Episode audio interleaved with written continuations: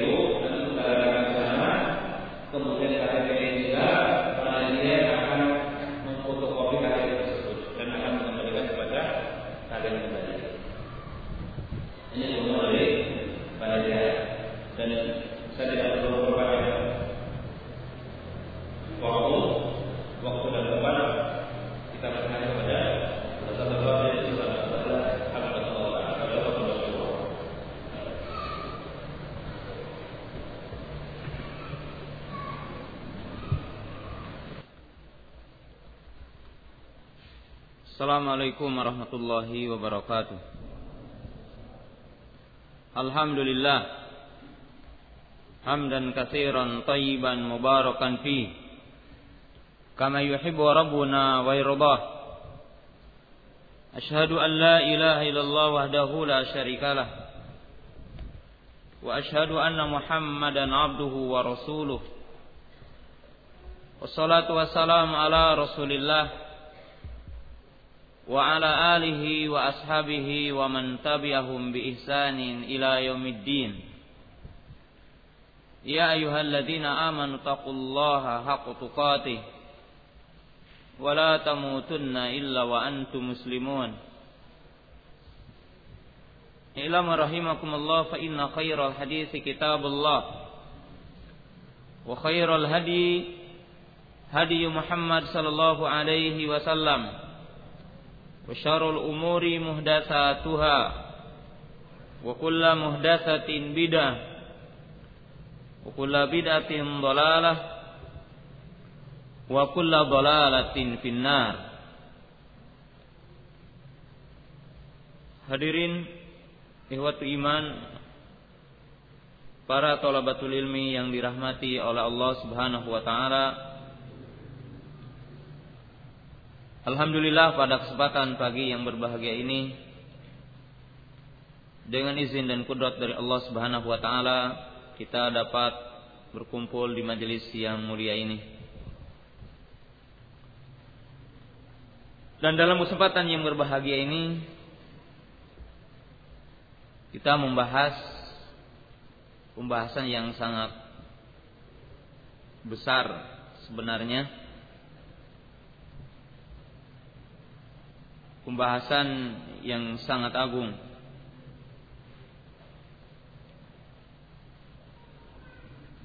Di mana ditinjau di dalamnya ada beberapa sisi yang wajib kita untuk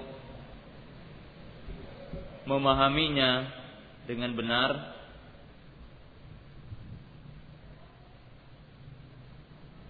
Yaitu yang berkaitan dengan masalah al-imarah awil imamah awil hilafah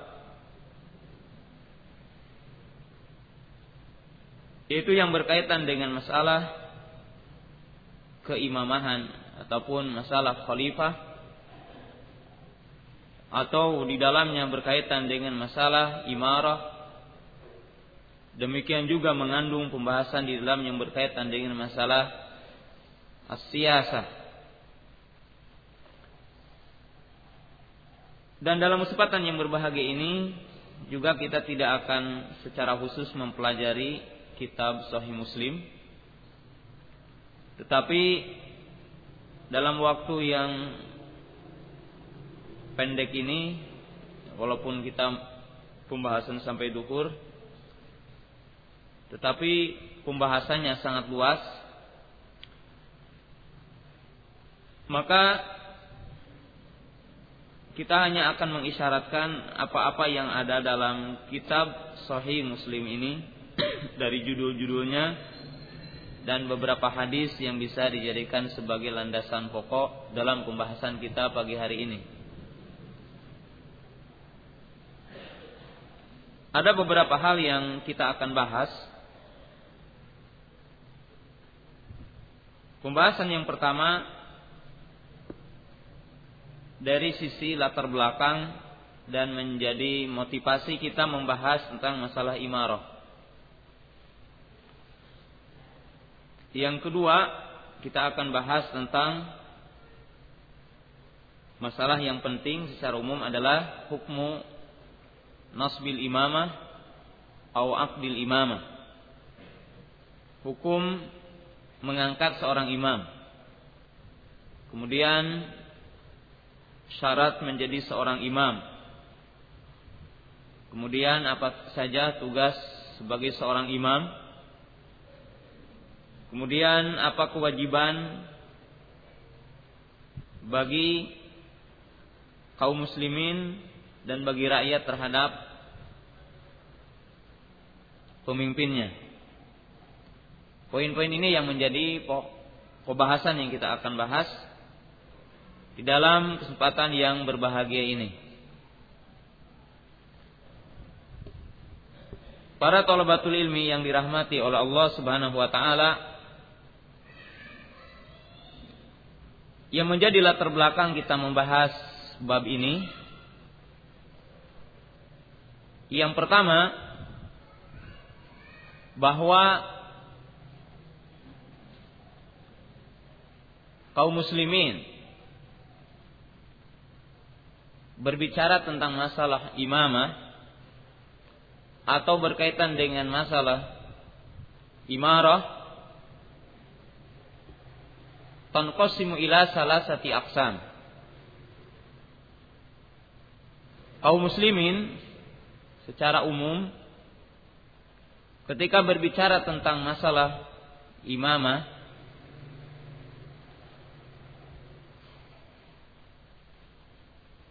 terbagi kepada tiga kelompok.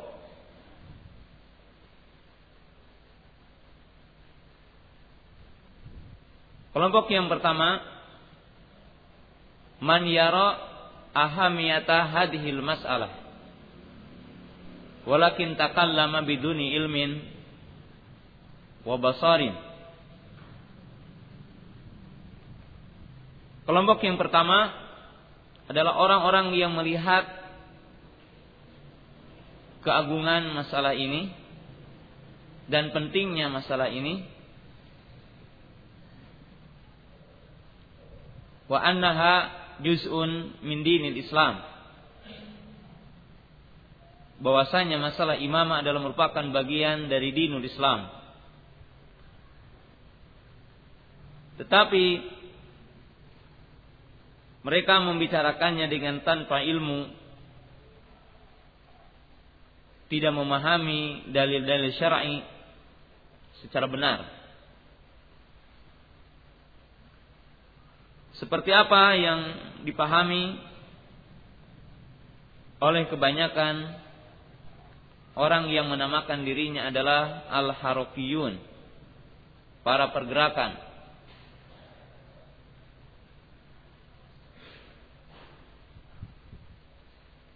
Kelompok yang kedua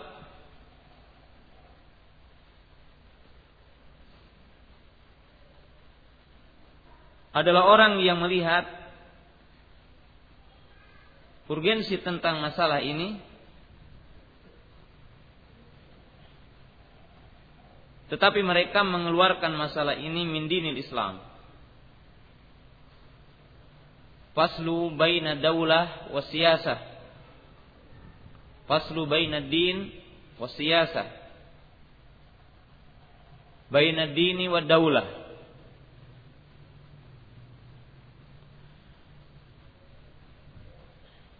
Kelompok yang kedua itu orang yang mereka memandang urgensi tentang masalah imamah, tentang masalah imarah dan siasah, tetapi mereka menganggap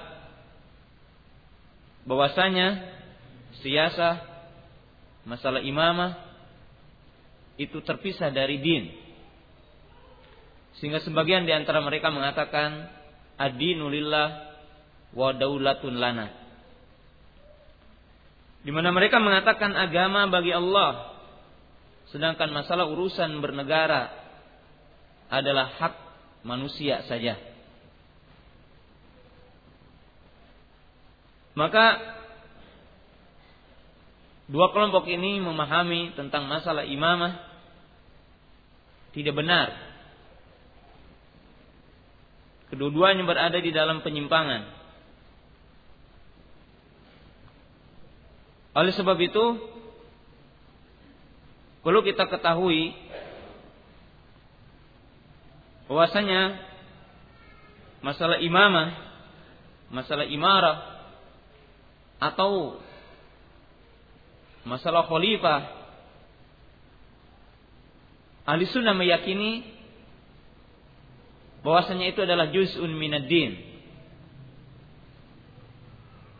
Wa anna hadadin kamilun mutakamil.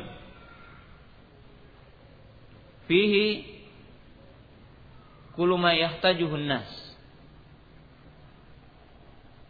Ahli sunnah meyakini bahwasanya masalah imamah, masalah daulah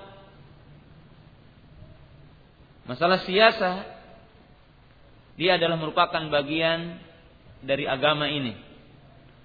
Dan agama ini telah disempurnakan oleh Allah taala. Di mana Allah taala telah menyempurnakan agama ini dan dalam agama ini ada setiap perkara yang dibutuhkan oleh manusia. Fahadihi ya qaidah jalilah. Allah Ta'ala Al-yawma akmaltu lakum dinakum wa atmamtu alaikum ni'mati wa raditu lakum Islam madina. Faqala Nabi sallallahu alaihi wasallam Taraktukum ala al-bayda lailuha kana hariha la yazigu anha ila halik Faqala Nabi sallallahu alaihi wasallam daruni wa fi riwayatin da'uni fa inna ma ahlaka man kana qablakum kasratu su'alihim wa ikhtilafu ala anbiya'ihim. Allah Subhanahu wa taala telah berfirman, "Hari ini aku sempurnakan agama kalian dan aku sempurnakan nikmatku atas kalian." dan telah aku ridhoi dinul Islam sebagai agama buat kalian.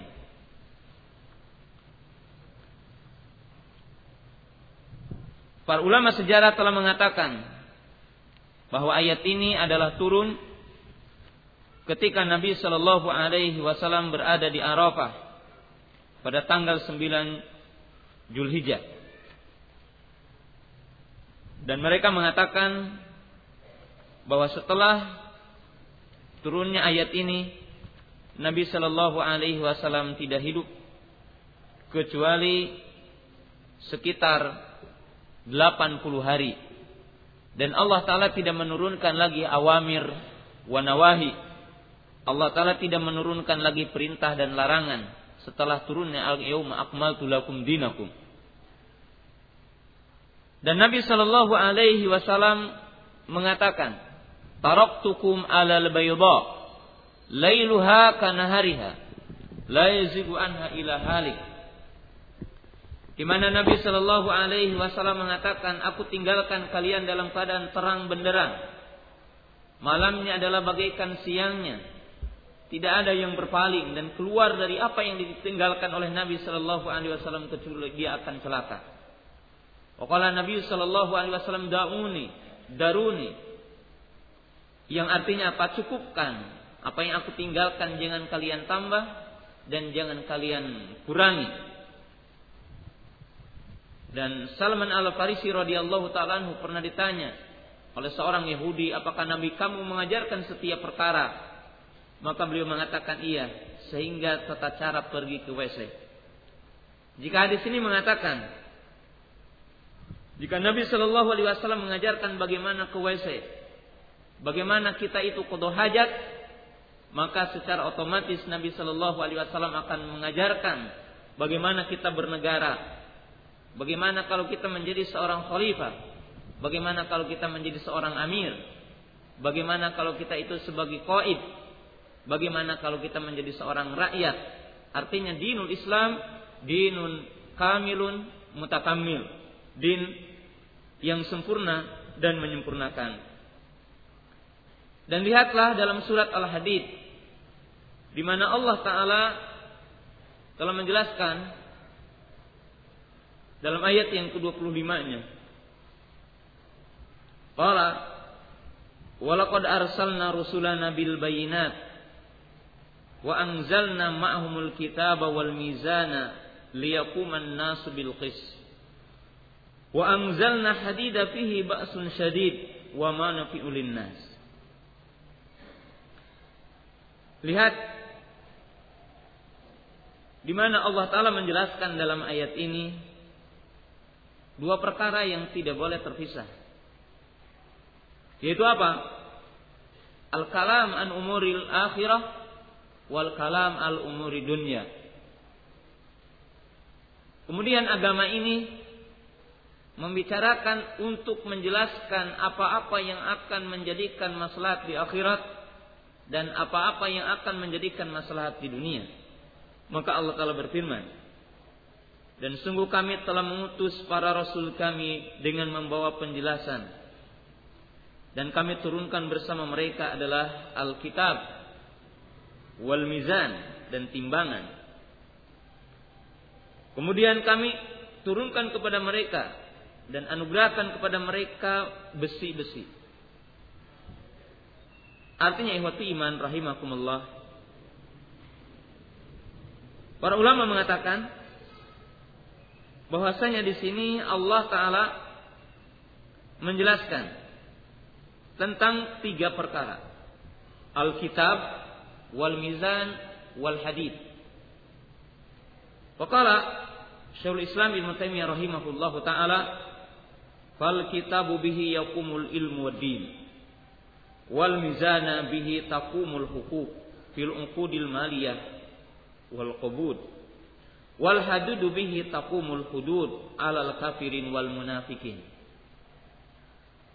Di mana di sini menunjukkan apa? Bahwa manusia akan terjadi kestabilan politik stabil yang berkaitan dengan masalah kehidupannya, baik ekonominya ataupun keamanannya, kesejahteraan kehidupannya apabila ada poin-poin berikut ini. Dalam arti apa? Di mana mereka dibangun dan dinaungi dalam sebuah aturan hidup. Kemudian yang kedua, adanya orang-orang yang menegakkan aturan hidup tersebut. Dan yang ketiga, ditegakkannya ukubah hukuman kepada setiap orang yang melanggar hukum tersebut. Karena tidak mungkin akan terjadi kedamaian, ketentraman dalam kehidupan manusia kecuali ditegakkan tiga perkara ini.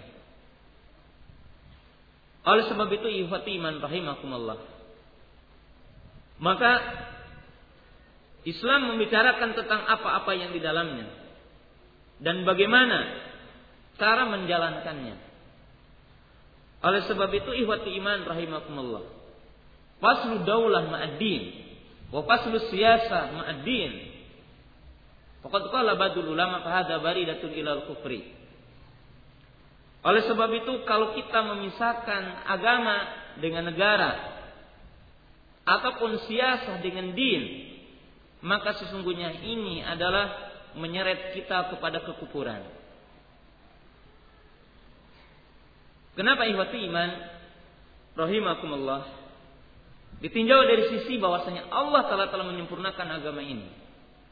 Dan Allah Ta'ala telah menjelaskan setiap perkara yang dibutuhkan oleh manusia. Sebagaimana tadi telah dijelaskan. Qala Allah Ta'ala ittabi'u ma unzila ilaikum min rabbikum wa la tattabi min dunihi awliya qalilan ma tadhakkarun. Faman lam yahkum bima anzalallahu fa ulaika humul kafirun. Wa fil ayati fa ulaika humul zalimun. Wa fi ayatin ukhra fa ulaika humul fasiqun. Dalam ayat-ayat tersebut bahwa kita diperintahkan untuk menjalankan syariat Allah Ta'ala di muka bumi ini dalam setiap sendi kehidupan. Termasuk di dalam bernegara. Ini sisi yang pertama yang wajib dipahami oleh seluruh kaum muslimin. Pemimpinnya ataupun rakyatnya di mana Allah Ta'ala telah menurunkan hukum dan aturan untuk kehidupan manusia di muka bumi ini baik yang berkaitan dengan masalah akhiratnya ataupun yang berkaitan dengan masalah kehidupan di dunia seperti bernegara. Yang kedua, sebagian kaum muslimin memandang bahwa ketaatan dan adanya baiknya hanya kepada khalifah Imamul A'zam. Dan tatkala terjadinya apa yang menimpa kepada kaum muslimin hari ini yaitu berbilangnya negara dan berbilangnya kepemimpinan maka sebagian di antara kaum muslimin menganggap tidak wajib taat tidak wajib adanya akdul bai'ah Maka ini yang perlu kita benarkan. Yang perlu kita betulkan.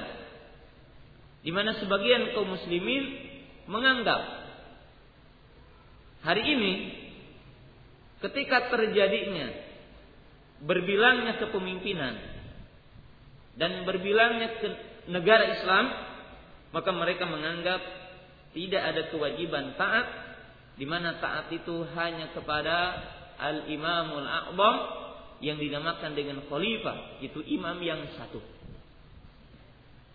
Tentunya ini adalah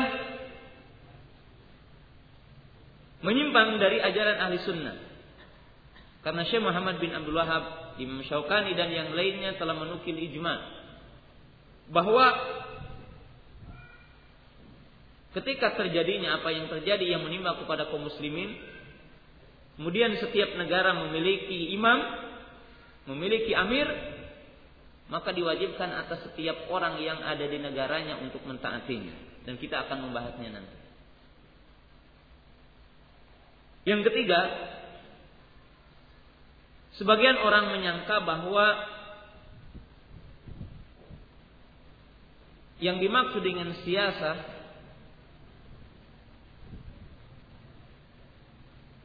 syariah hanya kalau ada dalilnya. Hanya kalau ada nasnya. Para talabatul ilmi yang dirahmati oleh Allah Subhanahu wa taala perlu kita menjelaskan satu titik masalah yang sangat penting dalam masalah ini. Syiasah syariah tidak diragukan lagi adalah dibangun di atas kitab dan sunnah.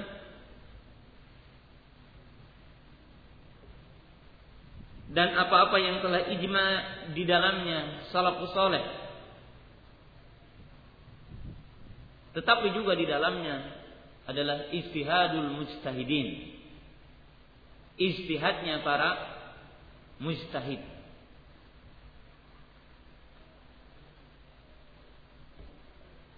Oleh sebab itu para ulama mengatakan la siyasata ma yukhalifu syari'ah.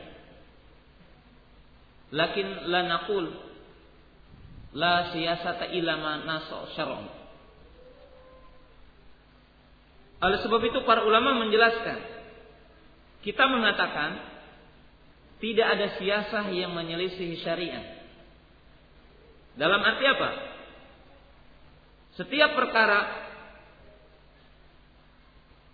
yang merupakan kebijakan seorang amir dalam menciptakan kebaikan dalam sebuah negara, maka disyaratkan tidak boleh menyelisihi dalil-dalil syar'i, menyelisihi maqasid syar'i, tidak boleh menyelisihi tentang kaidah-kaidah syar'i. Tetapi tidak dikatakan tidak ada siasah kecuali yang ada nasnya. Kenapa kita tidak mengatakan dan ahli sunnah tidak mengatakan tidak ada siasah kecuali yang tidak kecuali yang ada nasnya. Karena kita melihat bahwa apa-apa yang dilakukan oleh Khulafaur Rasyidun oleh imam yang empat maka sebagiannya adalah bentuk istihad mereka. Di dalam menciptakan maslahat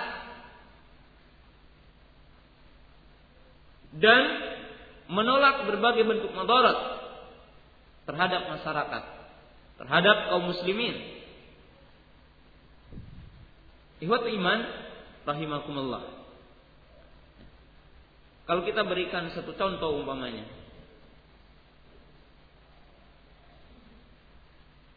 Amirul Mukminin yang disyaratkan dia adalah seorang mujtahid. Jadi disyaratkan dia adalah seorang mujtahid. Maka dia akan beristihad dengan apa-apa yang dipandang akan menjadikan maslahat bagi kaum muslimin dan bagi manusia secara umum. Kita lihat Abu Bakar As-Siddiq, Umar Ibn Khattab, Utsman Ibn Affan radhiyallahu taala Ada beberapa kebijakan yang kalau dilihat nasnya tidak ada. Tetapi itu di bawah kaidah syar'i. Seperti umpamanya adanya baitul mal.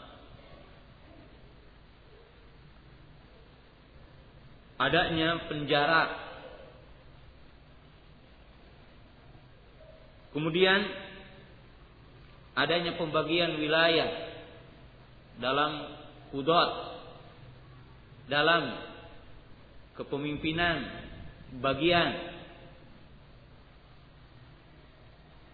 Bahkan kita lihat kebijakan seorang amir yang berkaitan dengan pembagian yang berkaitan dengan kesejahteraan. Itu nasnya tidak sorry. Tetapi apa? Diperintahkan untuk menciptakan kebaikan dan menolak berbagai kemudaratan. Oleh sebab itu, ihwati iman rahimakumullah, para ulama mengatakan yang dimaksud dengan syiah syariah adalah apa? Tasu sunnas bi ahkami bi ahkamillah wa ahkami rasulih wa bima yuslihuhu. Ala muqtada qawaid syar'i wa bawabit syar'i. Oleh sebab itu sebagian para ulama mengatakan yang dimaksud dengan syiah syariah adalah apa? Mengatur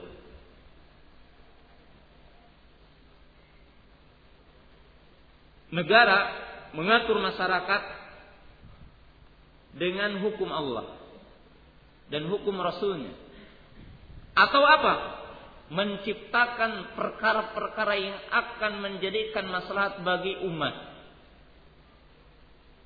dan menolak setiap mabarak yang dibangun di atas kaidah-kaidah syar'i. Yang dibangun di atas dobit-dobit syar'i.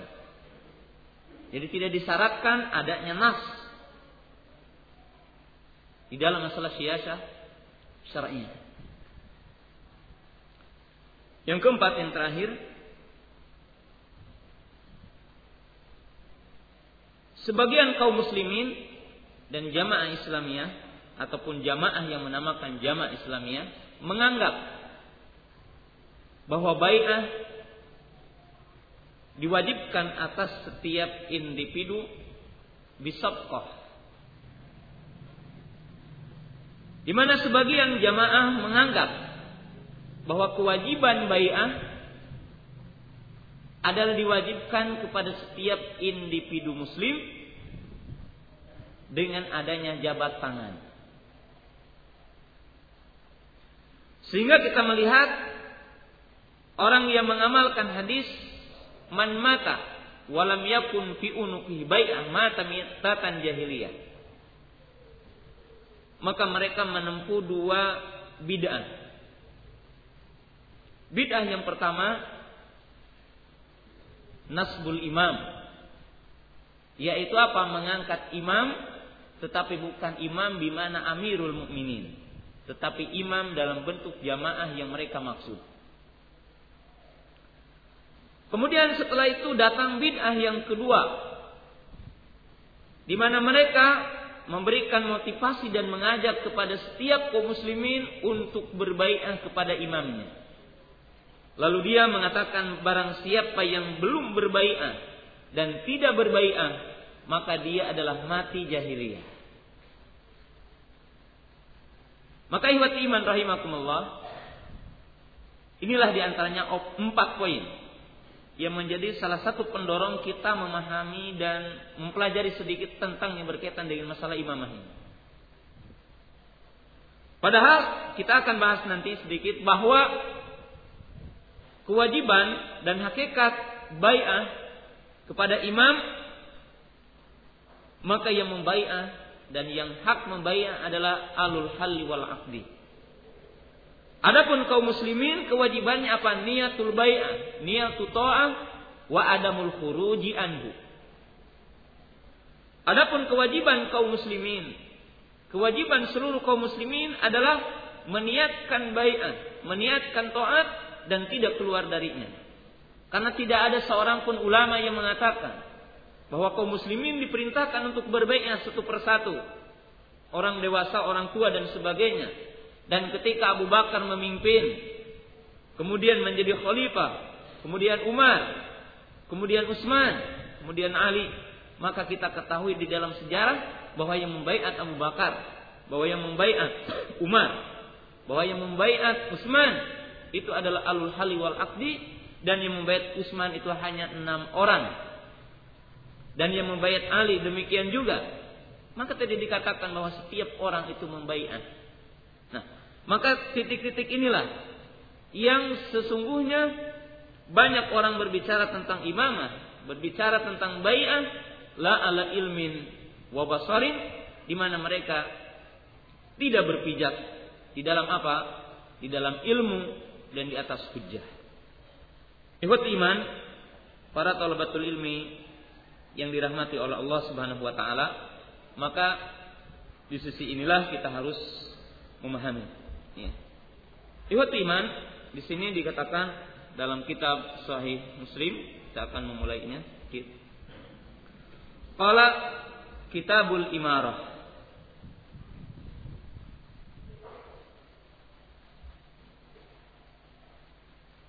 Dan hadis yang berkaitan dengan masalah imarah ini adalah sedikit ya yang dibawakan oleh muallif. Al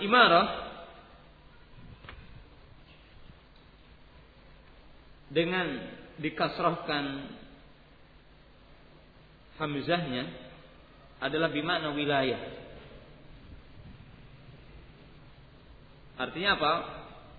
Orang yang diberikan tanggung jawab atau diberikan kekuasaan atau diberikan tugas. Oleh sebab itu, para ulama membagi al-imaratu nau'an. Imaratul amah wal imaratul khasah.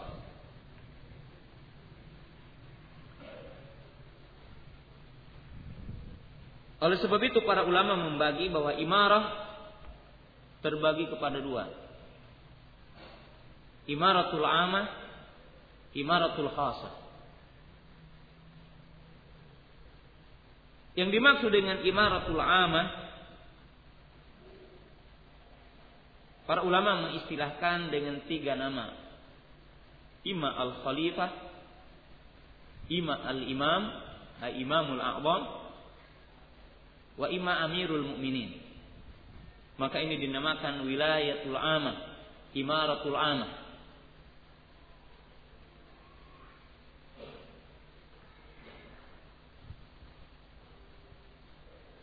Sedangkan imarah yang dimaksud dengan imaratul khasah adalah kepemimpinan ataupun wilayah yang diberikan oleh seorang amirul mukminin ataupun oleh seorang khalifah atau oleh seorang imam terhadap seseorang fi wilayatil khasah dalam kekuasaan tertentu seperti apa? Imaratul juyush. Seperti seseorang dijadikan sebagai amir di dalam perang atau yang dinamakan dengan panglima perang.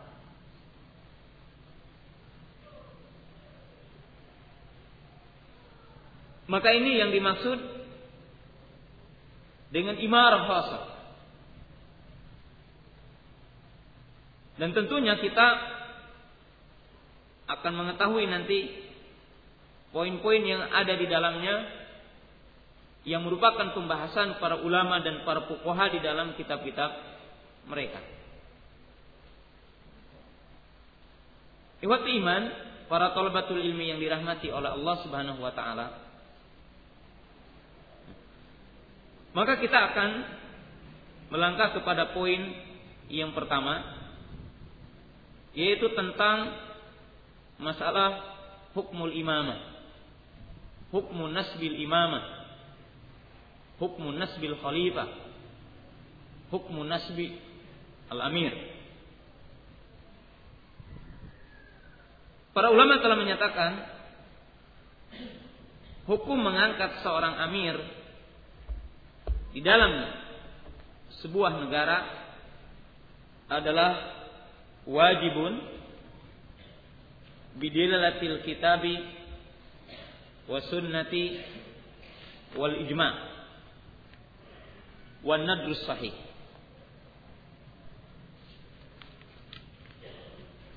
Hukum mengangkat seorang amir, hukum mengangkat seorang imam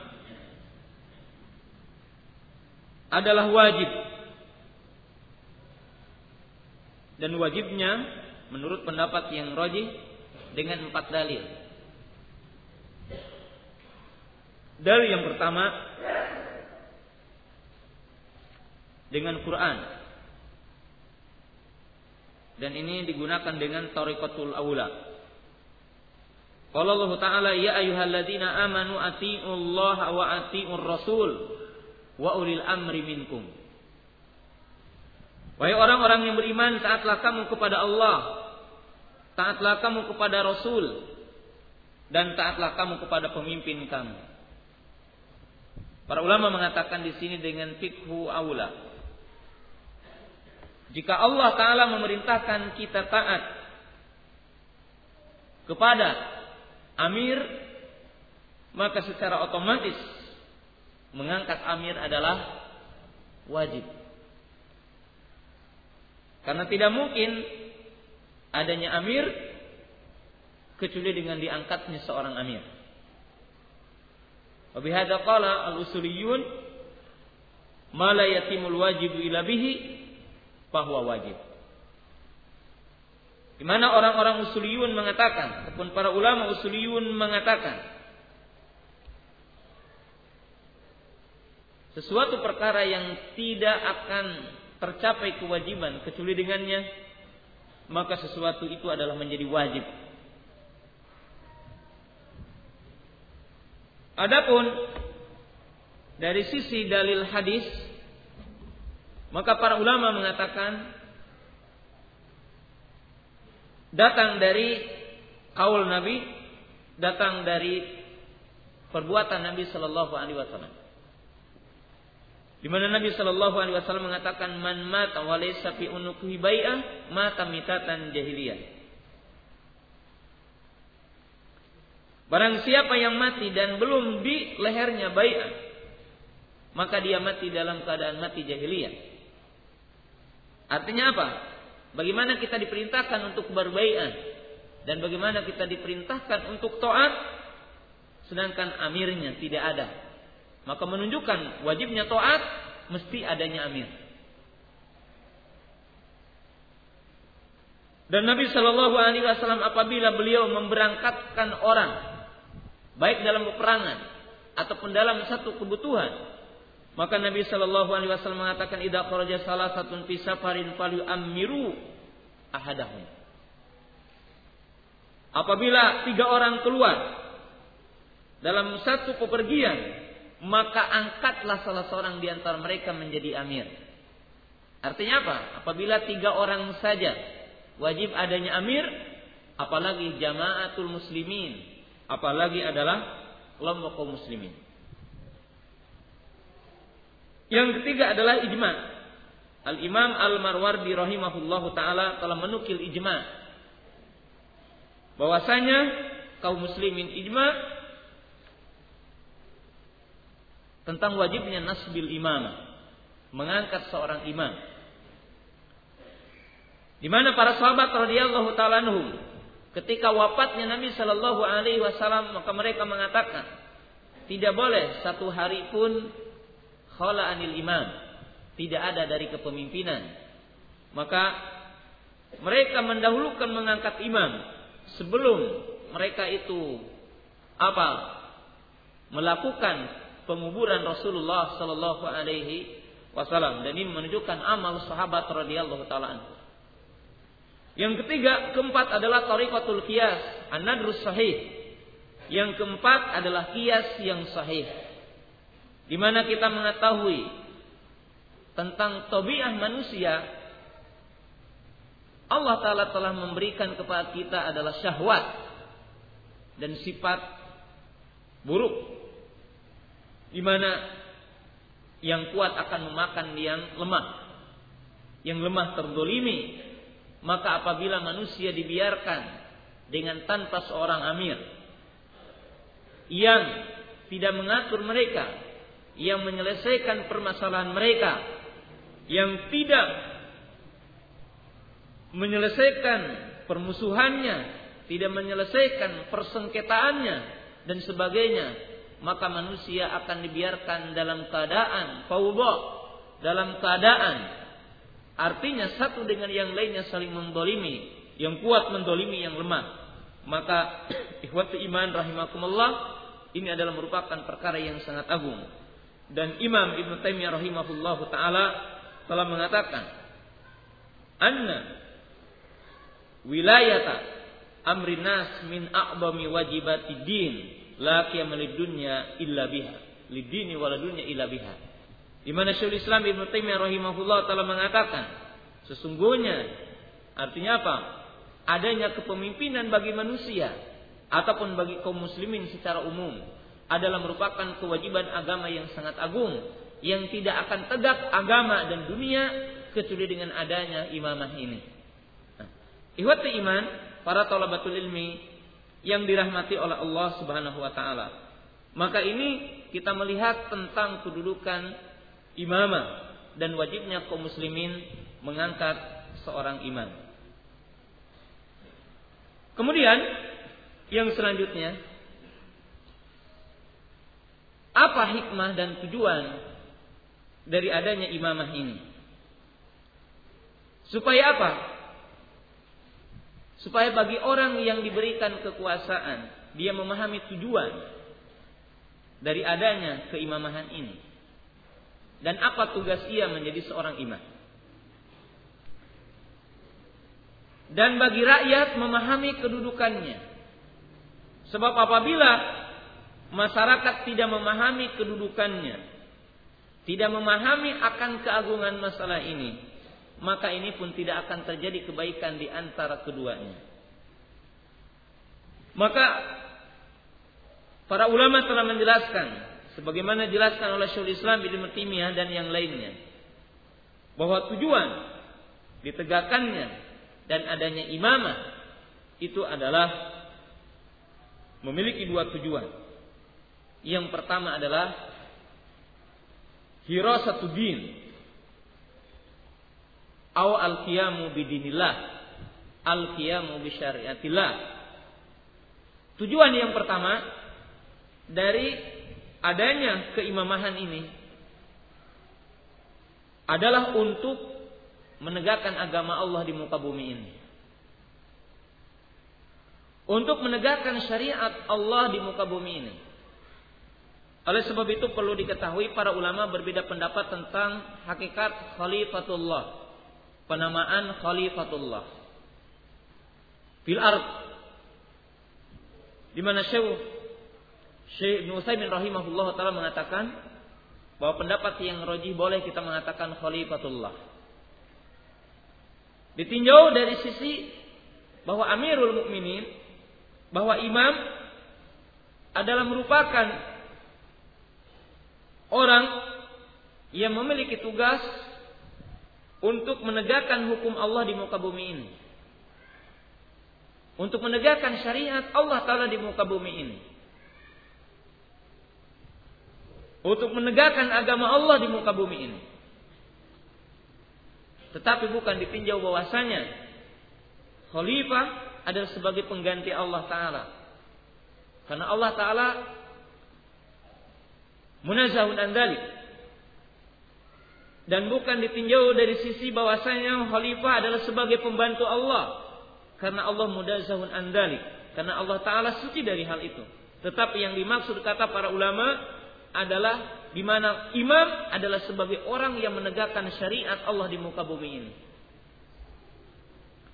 Adapun ditinjau dari segi khalifah dan penamaan khalifah dinamakan juga khalifatul rasyidin ataupun khalifatul rasul maka ditinjau bahwasanya tugas khalifah adalah sebagai pengganti dari orang yang sebelumnya. Orang yang datang sebelumnya yang bertugas sama dengan orang yang sebelumnya. Artinya apa? Bahwa para imam memiliki tugas sebagaimana tugasnya Nabi Shallallahu Alaihi Wasallam. Kemudian imam yang setelahnya dia memiliki tugas seperti imam yang sebelumnya dalam arti di dalam menegakkan agama Allah Taala di muka bumi ini. Yang kedua, di mana tugas seorang imam adalah al-qiyam bima yuslihu dunya. Ala wifki ma ja'a bihi syar'ul mutahhar wa ma abahahu. Di mana tugas seorang imam adalah menciptakan kebaikan. Ya. Menjaga dari berbagai bentuk mabarak. Menciptakan kebaikan dalam urusan dunia. Tetapi dibangun di atas kaidah-kaidah syar'i. Dibangun di atas batasan-batasan syar'i. Dibangun di atas dari dalil syar'i dan tidak menyelisihinya. Oleh sebab itu para ulama kita mengatakan la siyasata ma yukhalifu syar. Tidak ada siasa yang menyelisihi syariat. Artinya apa? Di mana siasa ini terbagi kepada dua oleh para ulama dikatakan. Siasatul adilah wa zalimah. Di mana siasa ada dua, ada siasatul adilah yaitu siasa yang menciptakan berbagai bentuk kebaikan dan menolak berbagai bentuk kemabaratan tahta qawaid syar'i yaitu dibangun di atas kaidah-kaidah syar'i mala yukhalifu syar' yang tidak menyelisih syariat. Adapun siasatu zalimah, adapun siasa yang zalim adalah ma yukhalifu syar'i yaitu siasa yang menyelisih syar'i ataupun siasa yang tidak menciptakan kebaikan dan siasa yang menciptakan berbagai bentuk kezaliman. Maka ini adalah tujuan daripada apa? Daripada seorang amir. Maka seorang amir dia adalah harus memiliki tujuan itu hirasatu din wa hirasatu dunya. Itu apa? Menjaga agama dan menjaga dunia. Maka ihwat iman kaum muslimin yang dirahmati oleh Allah Subhanahu wa taala. Kalau kita memahami satu titik yang dikatakan oleh para ulama di sini, maka seorang amirul mukminin maka dia adalah harus apa? Mujtahid fi umuri din, mujtahidun fi umuri dunia. Artinya apa? Bahwa syarat yang ideal bagi seorang amirul mukminin yang berhak dipilih oleh alul hali wal akdi sebagaimana nanti akan disebutkan beberapa syaratnya yaitu siapa? Yaitu seorang amir yang derajatnya adalah mujtahid. Mujtahid di dalam masalah apa? Mujtahid fi umuruddin dia adalah mesti menjadi seorang mujtahid di dalam perkara agama yang kedua adalah mujtahid fi umuri dunia di mana dia juga harus menjadi seorang mujtahid tentang perkara dunia Kenapa? Karena tentunya seorang amir, seorang khalifah dalam bentuk akbam ataupun seorang amir ataupun umara ataupun seorang imam maka dia harus memiliki persyaratan dan salah satu di antara syarat syaratnya adalah al mustahid. Nah, mustahid di dalam masalah apa? Mustahid fi umuruddin wa mustahid fi umuri dunia. Walaupun ya kita akan mengetahui bahwa berkumpulnya syarat tentang seorang imam, tentang seorang amir itu dari masa ke masa adalah berbeda. Dari masa ke masa adalah berbeda. Oleh sebab itu dikatakan oleh para ulama dan peneliti bahwa imam ditinjau dari segi mustahidnya ada tiga marhalah. Ada imam yang dia adalah imam mujtahid fi umuruddin wa mujtahid fi umurud dunya. Seperti siapa ini? Abu Bakar, Umar, Utsman, Ali dan beberapa pemimpin setelahnya. Ada yang dikatakan imam mustahid fi umur dunia walakin laisa mustahid fi umur din. Di mana satu ketika juga kita akan mendapatkan seorang imam yang dia adalah mustahid dalam urusan dunia. Indahu siyasa syariah fi umuri dunia. Di mana dia memiliki siyasa syariah yang berkaitan dengan perkara dunia. Walakin laisa indahu isti ilmun fi umur din. Tetapi dia tidak memiliki urusan ataupun ilmu dalam perkara agama maka dia ada dua kelompok. Minhum man yamshi ma'al ulama. Di antara mereka adalah orang yang berjalan bersama ulama. Maka ini adalah akan timbul kebaikan. Di mana mereka berjalan bersama ulama. Tetapi satu ketika akan terjadi yang disyaratkan oleh Nabi Shallallahu Alaihi Wasallam tentang seorang amir, dia memiliki siasatu dunia lakin laisa lahu siyasatu syar'iyyah. Wa huwa la yamshi ma'al ulama. Fahada bala lil ummah. Di mana akan terjadi seorang amir yang dia memiliki siasatu dunia. Dia memiliki kemampuan untuk mengolah dunia. Dalam arti apa? Dia memiliki kemampuan untuk kesejahteraan dunia. Tetapi dia tidak memiliki kemampuan istihad tentang perkara din. Dia adalah goib tentang agamanya. Kemudian mereka tidak berjalan bersama ulama, maka ini adalah fitnah kepada dunia.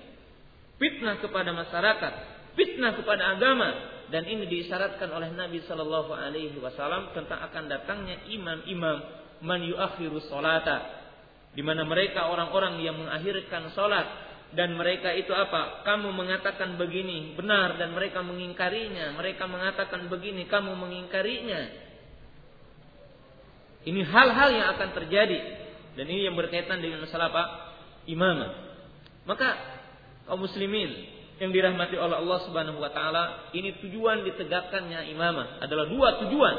Tujuan yang pertama adalah untuk menegakkan agama Allah taala di muka bumi. Dan yang kedua adalah untuk menciptakan yaitu perkara-perkara kebaikan-kebaikan dunia menolak bentuk-bentuk mabarat yang berkaitan dengan dunia. Dan ini adalah syarat ataupun tujuan ditegakkannya apa? Imamah. Jadi tegakkannya apa? Imamah. Ikhwatu iman yang dirahmati oleh Allah Subhanahu wa taala. Kemudian yang selanjutnya adalah surutul imamah. Syarat menjadi seorang imam. Para ulama mengatakan surutul imamah asyaratun. Syarat seorang menjadi imam ada sepuluh. Yang pertama adalah al-Islam. Itu Islam. Dan ini berdasarkan ijma di mana orang kafir tidak boleh menjadi wali orang yang beriman. Yang kedua adalah az Imam A'zam adalah laki-laki. Berdasarkan hadis Abi Bakrah bahwasanya tidak akan beres satu kaum di mana mereka dipimpin oleh seorang wanita.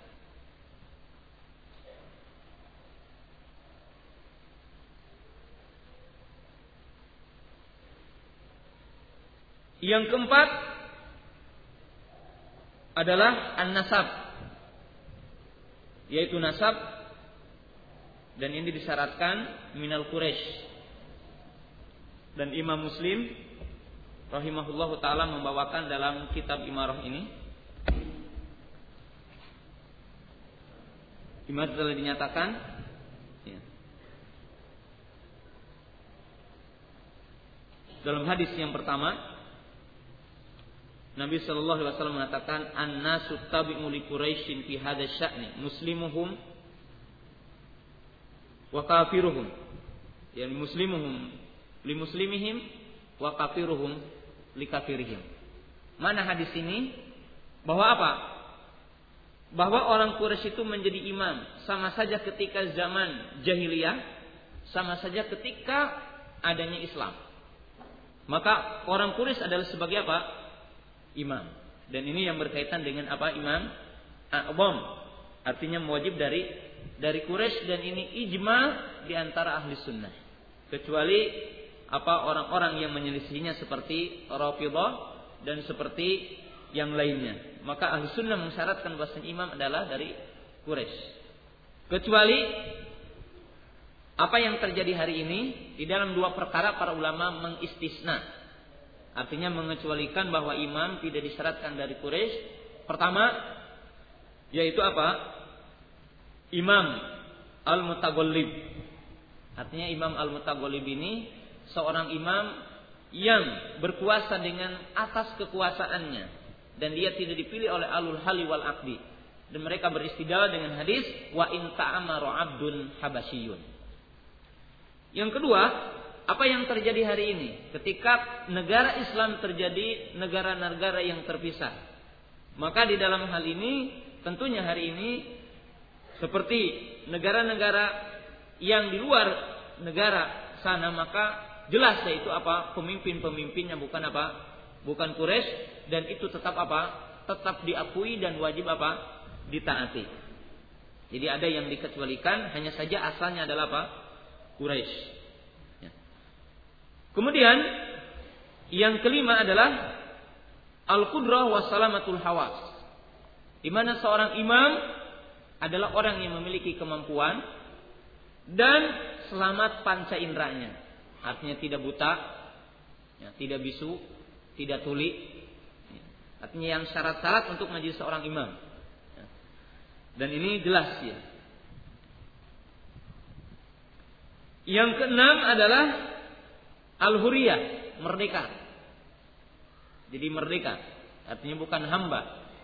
Dan para ulama juga mengecualikan satu apabila seorang hamba tiba-tiba berkuasa dengan kekuasaan bisayfi wasinan di mana dia berkuasa dengan pedang dan tombaknya yang dia miliki sehingga menjadi stabil satu negara dengan sebab dia maka dia diwajib ditaati setelah dia apa sampai kepada sebuah kekuasaan kemudian yang ketujuh adalah al-bulugh yaitu balik ya. artinya as itu tidak boleh yang kedelapan adalah al-aklu. Yang kedelapan adalah berakal, artinya tidak gila, ya. tidak haram, tidak pikun. Ya. Kemudian yang kesembilan al-ilmu al-muadi ilal istihad. Artinya memiliki ilmu yang sampai kepada derajat mustahid. Sebab seorang amir mesti apa dia? Mustahid. Yang ke sepuluh, para ulama mengatakan al-hibrah fi umuril harbi wasilmi. Seorang imam dia adalah harus memiliki pengetahuan tentang perang dan perdamaian. Kenapa? Karena kita mengetahui nanti bahwa jihad itu adalah bersama Amirul Mukminin.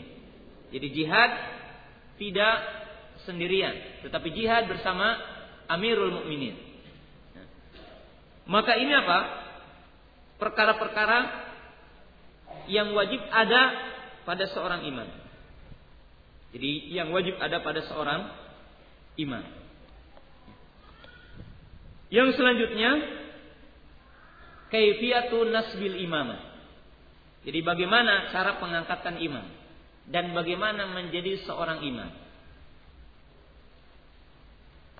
Para muhakik mengatakan bisa dilihat dalam berbagai kitab bahwa imam akan jadi dengan tiga jalan. Jadi seorang akan menjadi imam dengan salah satu di antara yang tiga. Yang pertama, bikhtiyaru ahlul halli wal aqdi. Jadi kaifiah yang pertama dengan pemilihan alul halli wal aqdi. Dan ini ada dua cara. Imma alul halli wal aqdinya ditetapkan oleh imam sebelumnya seperti Umar ibn Khattab radhiyallahu taala mengisyaratkan kepada enam orang untuk memilih khalifah. Ini artinya apa? Alul hallinya ditetapkan. Dan bisa saja alul halli wal aqdi artinya dari kaum muslimin kemudian memilih imam. Maka ini apa? Seperti terjadi kepada Abu Bakar As-Siddiq radhiyallahu taala anhu. Oleh sebab itu para ulama mengatakan Abu Bakar As-Siddiq jadi imam bin nasi atau bi isyarah min Rasulillah sallallahu alaihi wasallam wa bi muslimin. Di mana Abu Bakar menjadi khalifah dengan dua perkara. Pertama adanya isyarat dari Nabi sallallahu alaihi wasallam, yang kedua atas pemilihan kaum muslimin. Di antaranya adalah al-hal wal aqi yang berada di Saqifah pada waktu itu. Yang kedua adalah dengan cara al imam alladhi qablahu. Ikhtiar imam alladhi qablahu. Yang kedua adalah dengan cara pemilihan imam yang sebelumnya. Seperti Umar bin Khattab radhiyallahu taala anhu dipilih oleh Abu Bakar As-Siddiq. Dipilih oleh Abu Bakar As-Siddiq maka ini adalah tariqah syar'i. Nah, yang ketiga, para ulama mengatakan adalah bil mutaghallib. Ini bil golabah. Yaitu apa? Apabila seseorang yang dengan kekuatannya bikudratihi wa bisultatihi wa maka dia bisa menyetabilkan suatu kondisi. Dan dia berkuasa dengan pedang dan tombaknya, dengan senjatanya, dengan kekuatannya, maka dia menjadi seorang imam. Dan para ulama mengatakan, apabila ada seorang imam, seorang amir yang tidak dipilih oleh alul hali wal akdi dan tidak dipilih oleh imam sebelumnya, tetapi dia tiba-tiba menjadi seorang amir, bisayfihi wa bisinanihi wa bikudratihi wa bisultatihi, maka dia adalah imam yang wajib ditaati dan wajib kita berbaiat kepadanya. Dan para ulama mengambil dalil itu hadis Irbad Ibnu Sariyah radhiyallahu taala anhu anna Nabiy sallallahu alaihi wasallam usikum bittaqwallahi azza wajal wassam'i wa ta'ah wa in ta'amara 'abdul habasyiyun. Jadi hadis ini dipahami oleh para ulama bahwa karena syarat menjadi seorang imam ini adalah seorang yang merdeka Kenapa digambarkan bahwa orang apa? Seorang hamba ditaati. Maka para ulama mengatakan bahwa hadis ini dipahami dua sisi. Sisi yang pertama ini mimbab mu, mimbab mubalago. Artinya apa? Saking wajibnya taat kepada seorang amin. Yang kedua, bahwa hadis ini mengisyaratkan kepada satu hal yang manakala ada kepemimpinan yang dia itu adalah tidak terkumpul syarat-syarat imamah. Tetapi dia berkuasa dengan kekuasaannya. Dia berkuasa dengan sultahnya, dengan kudrohnya. Maka wajib ditaati. Maka wajib apa dia? Ditaati. Dan ini apa yang ada dalam kitab-kitab para ulama sebagaimana juga dijelaskan oleh Syekh Ibnu Utsaimin rahimahullah taala dalam kitabnya Syarah Zadul Mustaqna dalam masalah al-qada. Jadi ini adalah di antara tata cara terjadinya ataupun diangkatnya seorang apa? Seorang seorang amir. Jadi kapan dan bagaimana menjadi seorang seorang amir. Kemudian yang selanjutnya adalah masalah bai'ah. Di mana dalam kitab ini telah dijelaskan tentang masalah wajibnya membai'ah kepada seorang amir. Jadi wajibnya membai'ah seorang seorang amir. Wajibnya mengakadkan bai'an. Wajibnya kita mengakadkan apa? Bai'an. Kaum muslimin yang dirahmati oleh Allah Subhanahu wa taala, Nabi Shallallahu alaihi wasallam menyatakan dalam sebuah hadis, "Man mata wa laysa fi unukhi bai'ah mata mitatan jahiliyah." Jadi, barang siapa yang tidak ada di lehernya ikatan bai'at maka dia adalah mati dalam keadaan mati jahiliyah. Maka di sini apa?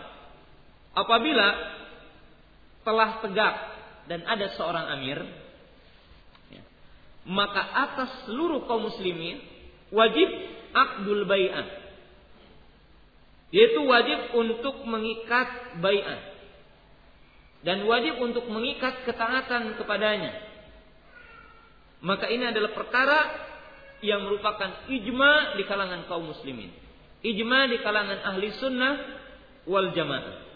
Nah, kemudian perlu diketahui dua perkara di sini yang tadi telah disyaratkan. Ya. Pertama, siapa yang wajib dibaiat? Dan kepada siapa kita berbaiat dan bagaimana kita berbaiat? Ihwatu iman, rahimakumullah. Tadi dikatakan berbaiat adalah kepada seorang imam kepada seorang amirul mukminin. Imma dia jadi seorang amir dengan ikhtiar alul hali wal akdi. Atau dia menjadi imam dengan isyarat dari imam sebelumnya. Atau dia menjadi imam dengan sebab kekuasaannya, dengan sebab kekuatannya, maka wajib kita untuk membaiah kepadanya apabila dia telah menjadi imam. Maka apa? Para ulama menjelaskan, maka yang diwajib yang yang dimaksud dengan imam yang wajib kita itu untuk mentaatinya dan wajib kita untuk mengakadkan bai'ah kepadanya adalah al-imam al-mawjud al-ma'lum al-zahir. Itu imam yang ada, imam yang nampak imam yang diketahui kekuasaannya, imam yang diketahui dia menguasai tentang tempat, bukan imam yang tidak memiliki tempat, bukan imam yang tidak memiliki kekuasaan, bukan imam yang tersembunyi. Artinya apa? Bukan imam-imam di bawah tanah. Ya. Bukan imam-imam yang bersembunyi, tetapi imam yang wajib dibai'ah adalah imam yang bahir maklum. Yaitu siapa? Imma tadi dengan adanya pemilihan alul hal wa akdi atau diisyaratkan oleh imam sebelumnya atau dia dengan kekuasaannya. Maka itu adalah imam yang wajib kita berbaikat kepadanya. Adapun berbaikat kepada jamaah-jamaah dan kepada imam-imam jamaah maka ihwat iman yang dirahmati oleh Allah Ta'ala maka ini adalah bid'atun munkarah. Wa wasilah ila tafriqi bainal muslimin. Adapun berbaiat kepada imam-imam jamaah berbaiat kepada pemimpin-pemimpin jamaah-jamaah maka ini hukumnya bid'ah dan merupakan wasilah untuk memecah belah kaum muslimin jadi memecah belah kaum muslimin. Maka bai'ah adalah kepada imam yang a'zam. Waqad qala Nabi sallallahu alaihi wasallam li Hudzaifah Talzam jama'atal muslimina wa imamahum. Tsumma qala aidon wa ta'zil tilkal firraqa kullaha. Karena Nabi sallallahu alaihi wasallam telah menyatakan kepada Hudzaifah ibnu Yaman ketika terjadinya berbagai bentuk perselisihan maka Nabi Shallallahu Alaihi Wasallam ketika bertanya Hudzaifah, "Famada muruni in adraktu dalik?" Apa yang engkau perintahkan jika aku mendapatkan hal itu?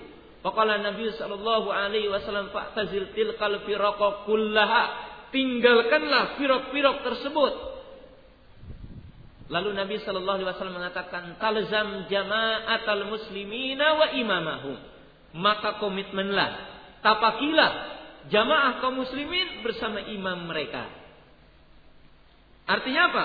Imam yang wajib kita berbaikat kepadanya, imam yang wajib kita taat kepadanya adalah imam dalam arti imam al-mawjud al-maklum, man indahu sultah wa man indahu qudrah.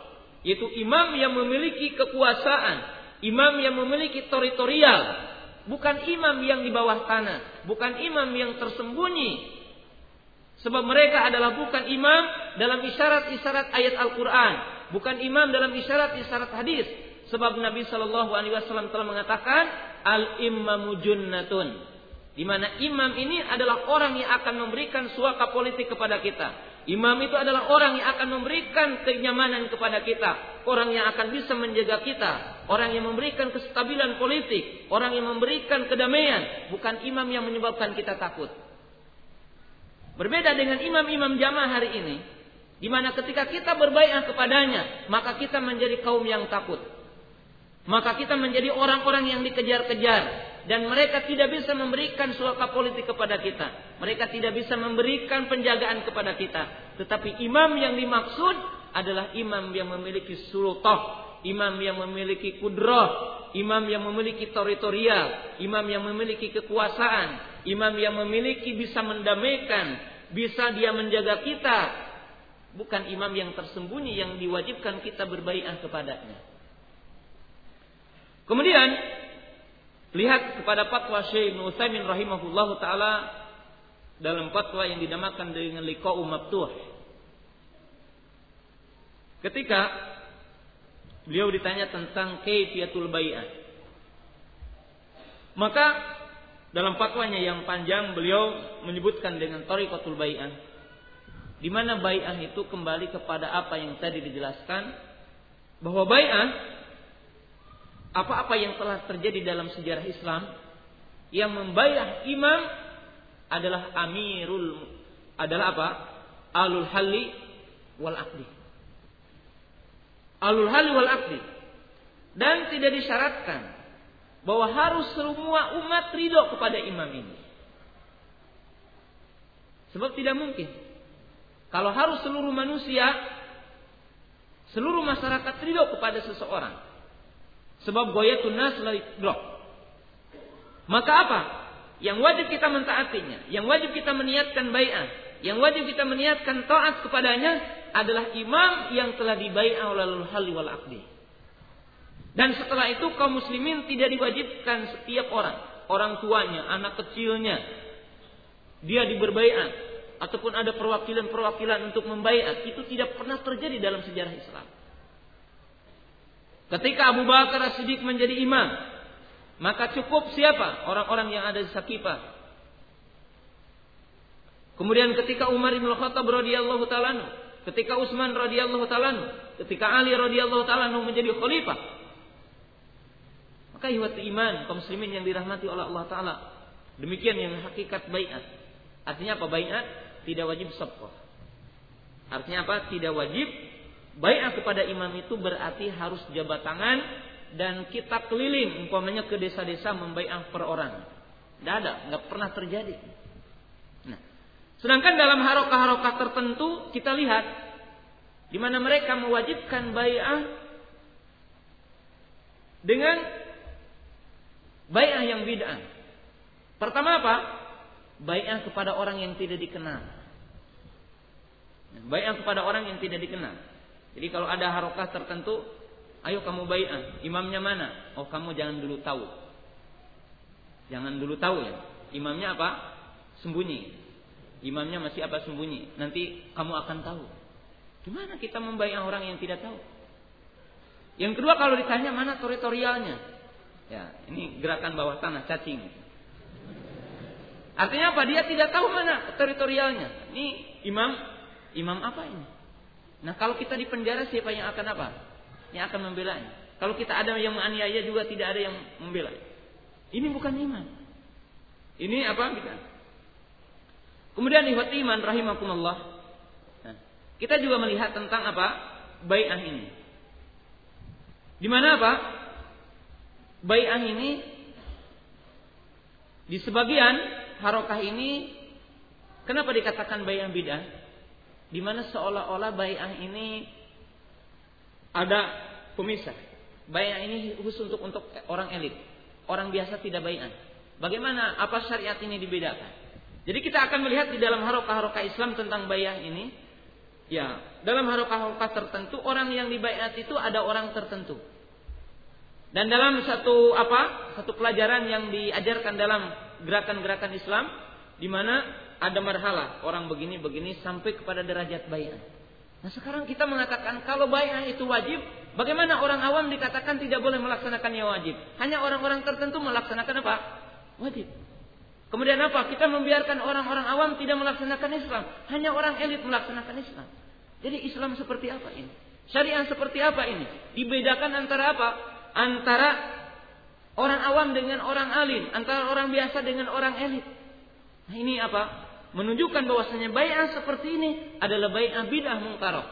Itu bai'ah yang bidah dan bai'ah yang munkar. Maka dinyatakan dalam hadis-hadis yang ada dalam kitab Imarah ini dikatakan bahwasanya al bai'atu li amiril mu'minin lil khalifah au lil imamah. Di mana bai'ah itu adalah kepada amirul mu'minin, kepada khalifah ataupun kepada seorang imam yang dengan tiga jalan tadi. Artinya apa?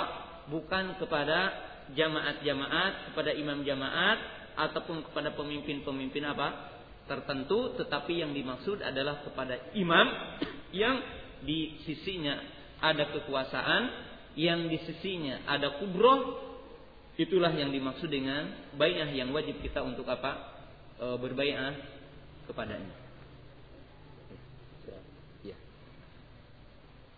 Ya kita istirahat dulu katanya sebentar dan kita nanti akan meneruskan kembali.